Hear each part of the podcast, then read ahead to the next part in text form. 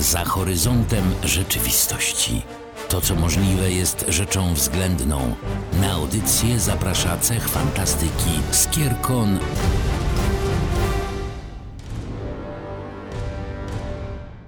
Halo, halo, witamy Was ponownie w ostatnią niedzielę miesiąca w portalu Tuwinga. I Aurelian. I dziś poruszamy kobyłę. Bardzo ciężki temat, bardzo duży temat, ale też fascynujący i y, no na pewno wciągający. Ja myślę, że autor by się bardzo obraził, gdybyś nazwała go kobyłą. No dobrze, ale to ile pisze i w jakim tempie pisze i jak pokaźne są to dzieła, to pod tym kątem niestety, ale Tak. musi to przełknąć. Autor jest ewidentnie plodny, e, ale to się czyta z zapartym tchem, z wypiekami na twarzy i to są takie książki, których nie da się odłożyć. E, I to jest autor, o którym wspominaliśmy już w portalu kilkakrotnie. No i oczywiście bez wielkiego tutaj, prawda, zaskoczenia będziemy dzisiaj mówili o twórczości. Brandona Sandersona. Tak jest. E, O Sandersonie w portalu już oczywiście wspominaliśmy, w tym również miał swoją osobną audycję poświęconą stworzonym przez siebie trzem prawom magii. E, Jeżeli chcecie sięgnąć po ten temat, to gdzieś w odmętach internetu na pewno go znajdziecie, a i być może my tutaj na e, YouTubie też go kiedyś przypomnimy. Tak jest. Dzisiaj będziemy mówili o jednym z jego większych projektów i to jest olbrzymia rzecz faktycznie, ale to jest warte naszego czasu i mamy nadzieję, że waszego czasu też. E, Dokładnie. Generalnie jak sobie zerkniemy na fantastykę i chociażby na takie duże uniwersa, które mm, znamy z popkultury typu e, Marvel, Cinematic Universe, po prostu Mar- uniwersum Marvela albo uniwersum DC, na pewno możemy zobaczyć, że pomimo tego, że mamy tam do czynienia z wieloma różnymi bohaterami, z wieloma różnymi historiami, to wszystko dzieje się w jednym świecie, w jednym uniwersum ma swoje elementy wspólne. I Sanderson w momencie, kiedy zaczynał pisać swoje książki jeszcze w latach 80., twierdził, że on też chyba tak chce. Tak on stwierdził, on się e, zainspirował, za, zainspirował się Sanderson Asimovem, którego czytał w tamtym czasie i potem jeszcze czytał innych autorów i jeszcze innych autorów i jeszcze innych autorów i wyszło mu, że fajnie by było, gdyby jakieś elementy pomiędzy książkami można było przenosić, gdyby można było właśnie opowiedzieć coś w rodzaju takiej meta opowieści jakby, to co właśnie dlatego twoje bardzo słuszne porównanie i nawiązanie do e, Marvel Cinematic Universe. Tak, czytając Izaaka Asimowa, e, Sanderson zauważył, że niezależnie od tego, czy sięga po cykl roboty, czy po jakiekolwiek inne elementy twórczości autora, są tam elementy wspólne, które po prostu łączą ze sobą wszystkie jego cykle.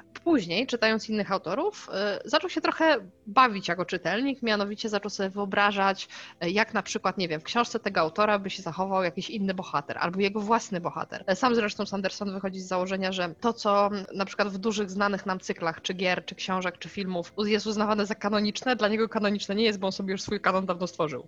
Tak jest, dokładnie. Co więcej, e, e, rynek wydawniczy lat 80. jest oczywiście kompletnie różny od rynku wydawniczego e, obecnego i to, co się sprzedawało wtedy, niekoniecznie musi się, sprzedawać teraz i na odwrót. E, A co więcej, cała otoczka, nazwijmy ją medialno-internetowa, którą się cieszymy dzisiaj, pozwala na dodawanie kolejnych elementów, o których wcześniej nawet nie, nie myślano, że mogą być dodane i mogą być sprzedawane jako elementy akompaniujące normalnym książkom, czy powieściom, czy innym takim elementom. No i właśnie, tak, zainspirowany Asimowem, zainspirowany innymi pisarzami, zaznajomiony już z uniwersami komiksowymi, Sanderson zaczął pisać swoją twórczość również w jakby jednym wielkim uniwersum, które nazwał po prostu Kosmir. To Kosmir powstawało już przez wiele lat, ono liczy grubo ponad 20 lat, natomiast e, tak jak on sam zaznacza, to, że on rozwija to Kosmir w różnych kierunkach, nie znaczy, że to wszystko ujrzy światło dzienne, albo że to wszystko znajdzie czytelnika, bo to, co trafia do czytelnika, to oczywiście jest znowu elementem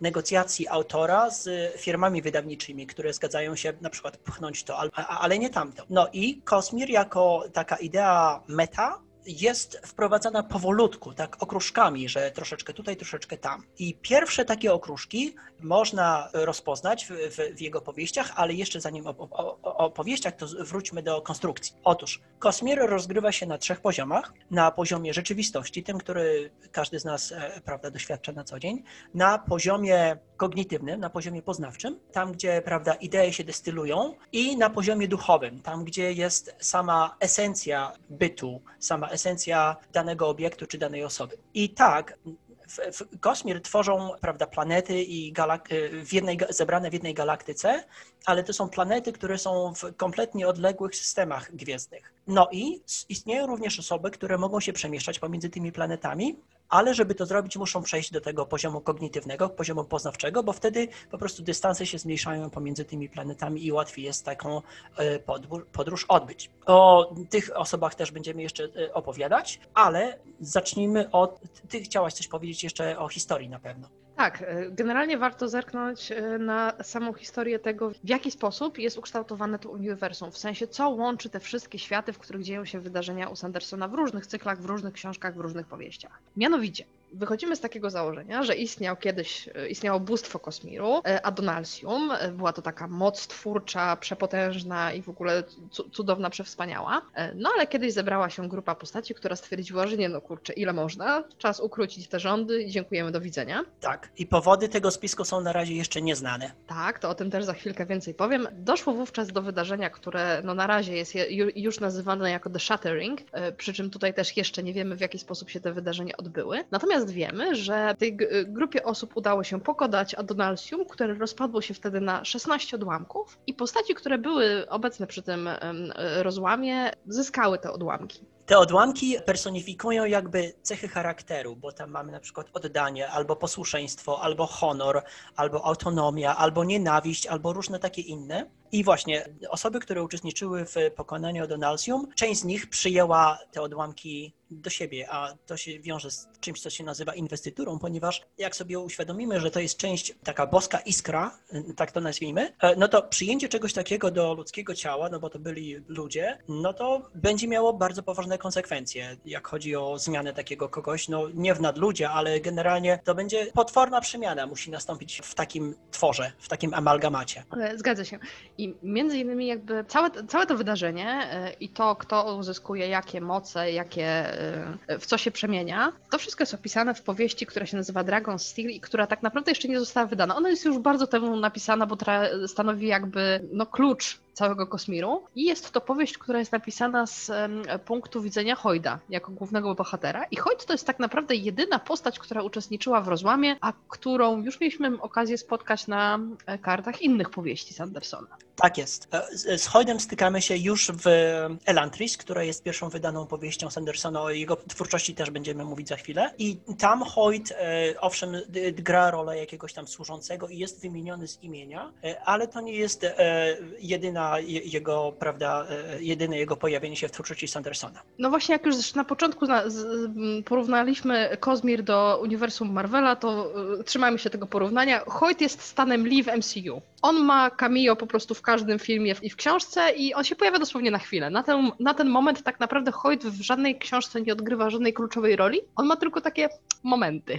Tak, jest go całkiem sporo w rozjemcy. Trochę go się da zauważyć w Drodze Królów i w całej serii Burzowego Światła, ale generalnie faktycznie on jest taką postacią epizodyczną i jak e, cza- czasami jest w ogóle niewymieniony z imienia. Jak czytacie Sandersona i traficie na taką postać, która, o której myślicie, kto to jest i co on tutaj robi e, i dlaczego w ogóle tak z czapy, no to są szanse, że właśnie czytacie o scenie, gdzie występuje Hoyt. Generalnie Sanderson uwielbia się w ten sposób bawić z czytelnikami. y, Na zasadzie, że podrzuca im jakieś elementy, które prowadzą do rozwiązania zagadki. I chodzi o to, żeby czytelnik rozwiązał tę zagadkę tuż przed tym, jak na kartach powieści pojawi się jej rozwiązanie. Tak, I on sam mówi, że dla niego niesamowitym było obserwowanie, w jaki sposób czytelnicy zauważają elementy kosmiru, zanim on w ogóle jeszcze powiedział, że coś takiego istnieje. To tak, mieliśmy 16 odłamków z Adonalsium i tak naprawdę w tej chwili znamy 14 atrybutów tych odłamków. Dwa są jeszcze nieznane i wiemy, że te odłamki trafiły w sumie na 8 planet jak na razie.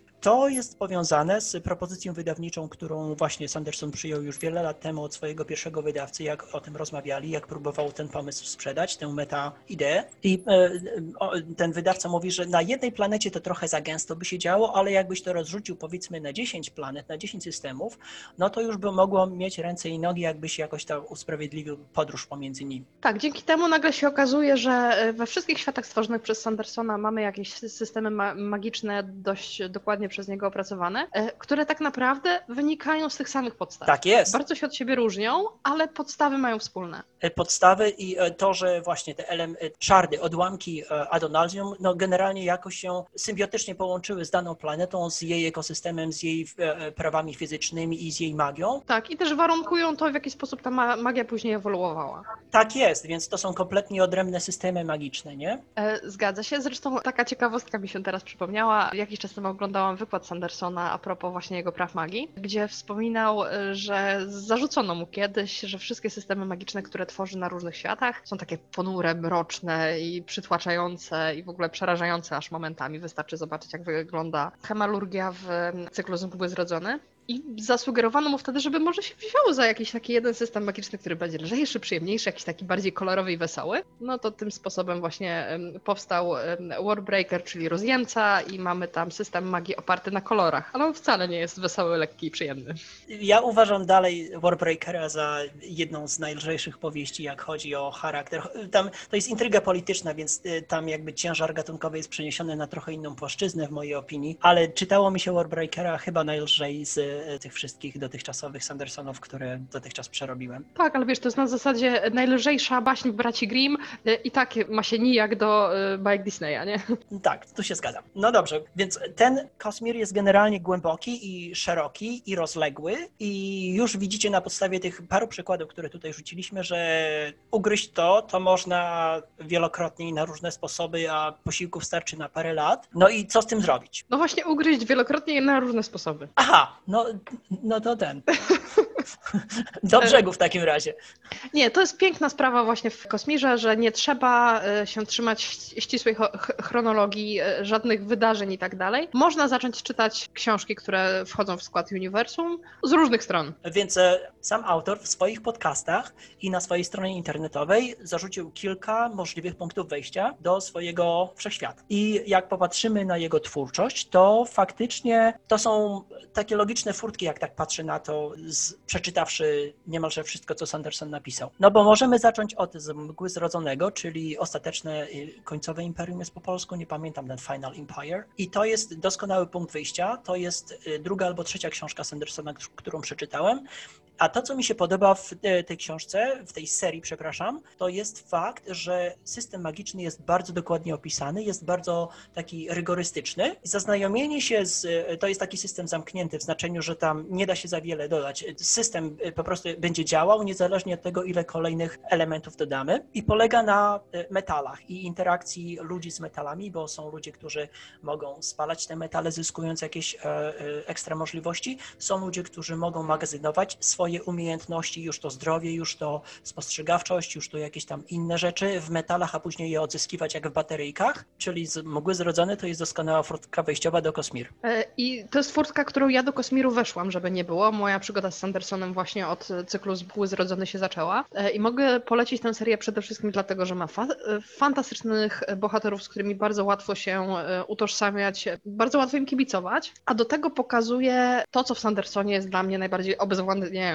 E, Mamy jakąś historię, plus minus wiemy o co chodzi, kto jest głównym antagonistą, do czego dążą bohaterowie i tak dalej, a nagle się okazuje, że o matko, to, co my przewidywaliśmy, to jest w ogóle jakiś ułamek, taki drobniusieńki okruszek całej wielkiej historii, które po prostu rozkłada nas na łopatki. To chyba ten. Prawa magii Sandersona tutaj się pięknie demonstrują w swojej okazałości. Co mnie się tutaj podoba również e, w serii z e, Mistborn, to jest e, fakt, że głównym bohaterem jest tak naprawdę postać negatywna. To tak jak sam Sanderson mówi, tak jakby Voldemort, prawda, przytyknął palcami, Harry Potter nie żyje i teraz on rządzi i utrzymuje się u władzy, uwaga, przez tysiąc lat. Oj tak, trochę tak. Natomiast to, co wspomniałeś o systemie magicznym, który tutaj funkcjonuje, to, co się dzieje w Błysk jest ekstremalnie widowiskowe. To jest seria, która jest dla mnie idealna do ekranizacji, bo tam pięknie można przedstawić to, w jaki sposób ta magia działa, z czym to się je i jak to wygląda. I będzie to naprawdę na ekranie wyglądać epicko. Myślę, że innym e, doskonałym i takim barwnym pokazem systemu magicznego byłaby ekranizacja Warbreakera, czyli rozjemcy. E, Tak jak wspomniałaś, to jest magia oparta na kolorach i na, na tym, że właśnie właśnie można e, ten swoją odrobinkę magii przekazać komuś innemu i jak ten ktoś inny zmagazynuje odpowiednią ilość takich iskierek magicznych, no to posiada wtedy naprawdę kapitalne umiejętności i zdolności. I Warbreakera jako taki, e, jako właśnie taki, taki e, intrygę polityczną gorąco polecam, e, bo to jest taka magiczna intryga polityczna i e, trochę mi to przypomniało kłamstwa Loka Lamory w tym znaczeniu, że zupełnie inny autor, zupełnie inny system, ale chodzi o to, że tam były takie, ale jak to? To, to takie ko- kompletnie odwrócenie znowu. Jeszcze, jeszcze większa niespodzianka. No, to te- też jest taki trik Sandersona, że zawsze jest kolejna tajemnica, zawsze jest kolejna niespodzianka, zawsze jest kolejny zakręt i odwrócenie ról albo coś takiego. I wydaje mi się, że pod tym kątem Warbreaker naprawdę kapitalnie trafia. Tym samym od Warbreakera też oczywiście naszą przygodę z Kosmirem możemy zacząć. Tak naprawdę jedyne, czego powinniśmy się trzymać, zagłębiając się w uniwersum, to to, żeby nie mieszać chronologii wydarzeń w ramach jednego konkretnego świata. To znaczy, że jeżeli bierzemy trylogię z Mgły Zrodzone, no to wiadomo, że nie czytamy przed nią e, cyklu o Waxie i Wayne, bo no wtedy so- sobie sami mocno zaspoilerujemy całą historię. Tak, e, to tak jak rozmawialiśmy wcześniej, e, Sanderson jest wstecznie kompatybilny i po prostu nawiązuje do wydarzeń z poprzednich książek w aktualnych książkach, więc nie psujmy sobie zabawy i zacznijmy od samego początku. Swoją drogą właśnie seria Waxa i Wayne'a, o której wspomniałam, to jest seria, która jest jeszcze niedokończona, w związku z tym może warto ją sobie zostawić na trochę później, żeby nie czekać nie wiadomo jak długo na kolejne tomy, tak jak ja właśnie czekam chyba na e, Tak jest. z rok już minimum, no chyba z rok temu kończyłam czytać e, Żałobne opaski. E, Żałobne opaski ukazały się po angielsku bodaj w 2017 roku, ale kolejna i ostatnia odsłona w tej trylogii, w tej e, erze, bo to jakby jest druga era Mistbornu, e, jest planowana na przyszły rok, a potem jeszcze jest ostatnia trylogia planowana, żeby zamknąć cały, całą taką fabułę, prawda, którą e, chciał na Eskadrialu przedstawić Sanderson. Dokładnie, to jest tak, w tym momencie tak naprawdę jak największa paczka powieści, która wchodzi w skład uniwersum. Tak jest. Możemy zacząć naszą przygodę ze Sandersonem również od Elantris. To jest e, ta książka, gdzie ja po prostu się zachłystywałem Sandersonem. To był mój pierwszy kontakt z tym autorem e, i po prostu będę po wieki wieków całował e, e, stopy moim znajomym, którzy pożyczyli mi, tej, mi tę książkę i tak, tak, tak mnie wciągło to bagno. Elantris jest e, jeszcze innym systemem magicznym, gdzie na, na tym świecie, na Sel są, nie powiem co tam się dzieje, e, żeby nie spoilerować. W każdym razie dosyć wcześnie dowiadujemy się, że istnieje coś takiego, albo kiedyś istnieli jacyś tam e, superpotężni ludzie, którzy służyli całej reszcie społeczeństwa wokół takiego magicznego miasta i w którymś momencie coś się zmieniło i ci, to, to super miasto, takie świecące magią i w ogóle, e, zaczęło po prostu być ciężarem. Można było dotrzeć do tego miasta, można było być wybranym i służyć innym ludziom, a właśnie po jakimś tam kataklizmie nagle okazało się, że to jest klątwa i z y, takim wyrokiem się trafiało za mury tegoż samego miasta i tam się dogorywało swoich dni i właśnie y, do takiej e, rzeczywistości z sąsiedniego kraju, prawda, na zasadzie sojuszu i na zasadzie przewidywanego małżeństwa trafia nasza główna bohaterka, która ma poślubić księcia z tegoż naszego, prawda, pierwotnego e, królestwa, po to, żeby umocnić sojusz polityczny kontra jakiemuś tam cesarzowi, który podbija ekspansywnie całe kontynenty. Więc to jest jakby ostatnia nadzieja wolnej ludzkości. No także mamy rozgrywki polityczne, rozgrywki militarne i no i do tego system magiczny, który y, jak to u Sandersona jest Widowiskowy, zmyślny i to, to jest z kolei system taki bardziej otwarty, wydaje mi się, że tam jest e, trochę, jest bardzo dużo reguł, ale generalnie można go aplikować szerzej, nie tylko na samym Cell, ale również e, gdzie, gdziekolwiek indziej, gdzie ludzie władają tym systemem magi- magicznym, mogą się przemieścić. Tak, do tego oczywiście w Kosmirze mamy zbiory opowiadań. Akurat w Polsce jest to wydane jako Bezkres Magii i to jest po prostu jakby pogłębienie całej, całego Kosmiru, tego, który znamy. Natomiast przede wszystkim e, element, który sprawił, że się trochę z Sandersonem dzisiaj w tym konkretnym portalu spotkaliśmy, e, czyli cykl Archiwum Burzowego Światła. Tak jest. W tamtym tygodniu miała miejsce premiera czwartego, czwartej cegły w tym cyklu. Słuchajcie, ja nie przesadzam. Co ten człowiek robi? Ile drzew umrze, e, żeby te jego książki się wydały? No to jest po prostu skandal. To jest e, tak jak e, J.K. Rowling, tylko że w kwadracie bym powiedział, że każda książka puchnie tak w tempie kuli śniegowej, a zaczął już z wysokiego C, bo pierwsza książka to było chyba e, 400 tysięcy słów po angielsku. Także już wtedy wysoko zaczął, a to teraz tylko po prostu limity sprawdza na drukarniach Znaczy, żeby nie było, aż w trakcie naszej rozmowy sprawdzam. W tym momencie w Polsce wydane są w cyklu cze- cztery książki, ale trzy tomy. Po prostu trzeci tom jest wydany w dwóch tomach. I to jest tak.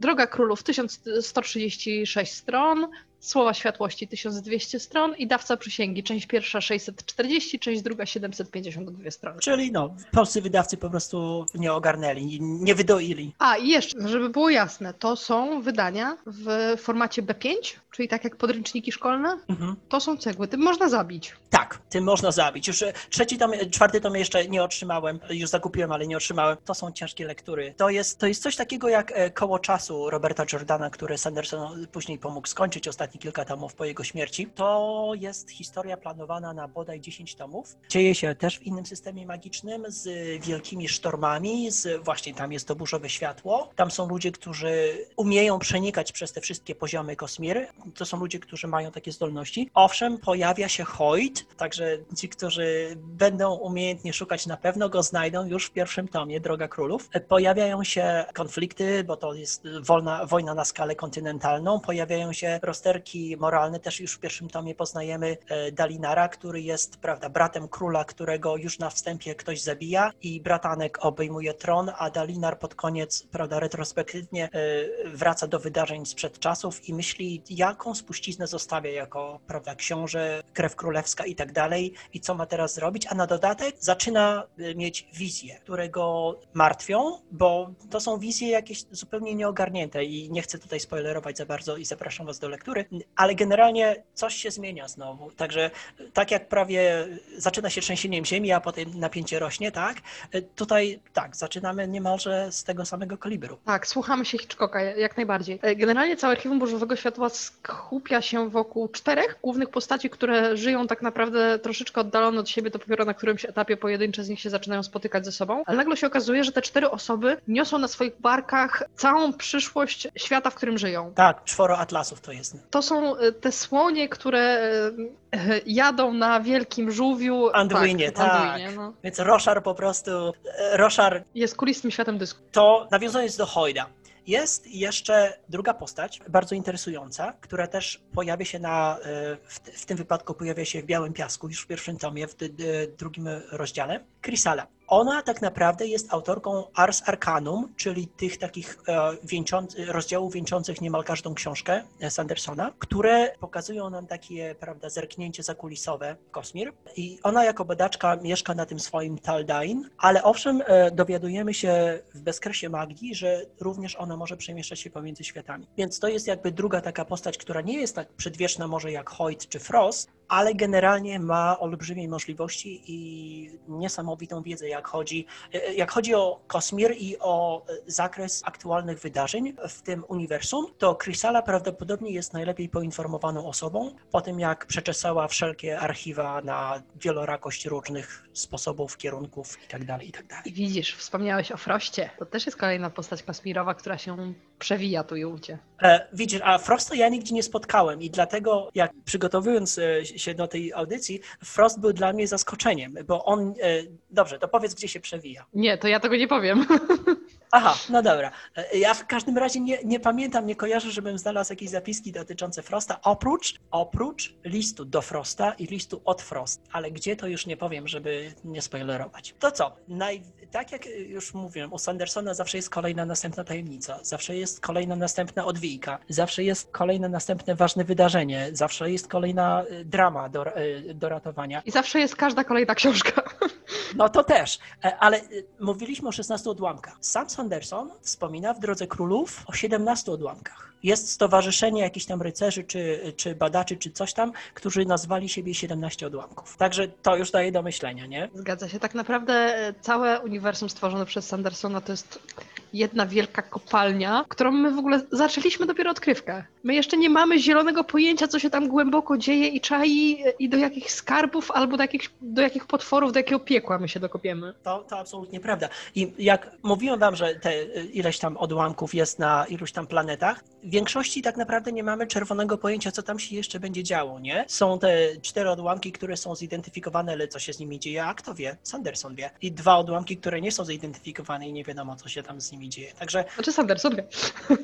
no tak, najważniejsze, będzie się działo i, i na pewno się ukaże drukiem dużo, dużo dobra i ja już sobie tutaj ten zacieram łapki. Tak, no to tak jak wspomnieliśmy, no temat e, Kosmiru tak naprawdę na ten moment jako czytelnicy dopiero mamy liźnięty. Przed nami jeszcze bardzo, bardzo, bardzo długa droga i to jest ten moment, kiedy ja się zaczynam czuć mocno przytłoczona twórczością Sandersona, bo tego jest mnóstwo, jest epicko i jest ogromne i jak zaczynam o tym wszystkim myśleć, to aż mi zaczyna głowa boleć, ale to jednocześnie jest tak fascynujące, tak wciągające i tak przeepickie, że po prostu człowiek te książki pochłania, nawet te wielkie kobyły po 1500 stron. Widzisz, a ja jestem z tych, którzy nie wypatrują destynacji, tylko cieszą się podróżą. I, I dla mnie to odkrywanie kolejnych systemów, kolejnych postaci i jak rzeczy się łączą ze sobą jest e, kapitalną rozrywką tak naprawdę. Więc no, to, to jest moja opinia w, w tym kierunku. I, I także, panie Sandersonie, proszę pisać, znaczy ja nie, nie próbuję w ogóle patronizować, ale bardzo się cieszę na każdą kolejną książkę. Tak, i proponujemy pisać troszkę szybciej, bo się nie możemy doczekać. Tak jest. A, także próbowaliśmy zamknąć 20 lat, ponad 20 lat pracy Sandersona w 20 minut, żeby wam taką pigułę zaprzedać. Podaliśmy wam parę możliwych furtek do tego uniwersum, trochę piguł, e, niewiele spoilerów, bo tutaj też nie chcemy wam, prawda, psuć fanu. A na pewno jeszcze przyjdzie dzień, kiedy liźniemy temat e, twórczości Sandersona niezwiązanej z Kozmirem, bo to jest jeszcze zupełnie inny, osobny, gigantyczny rozdział.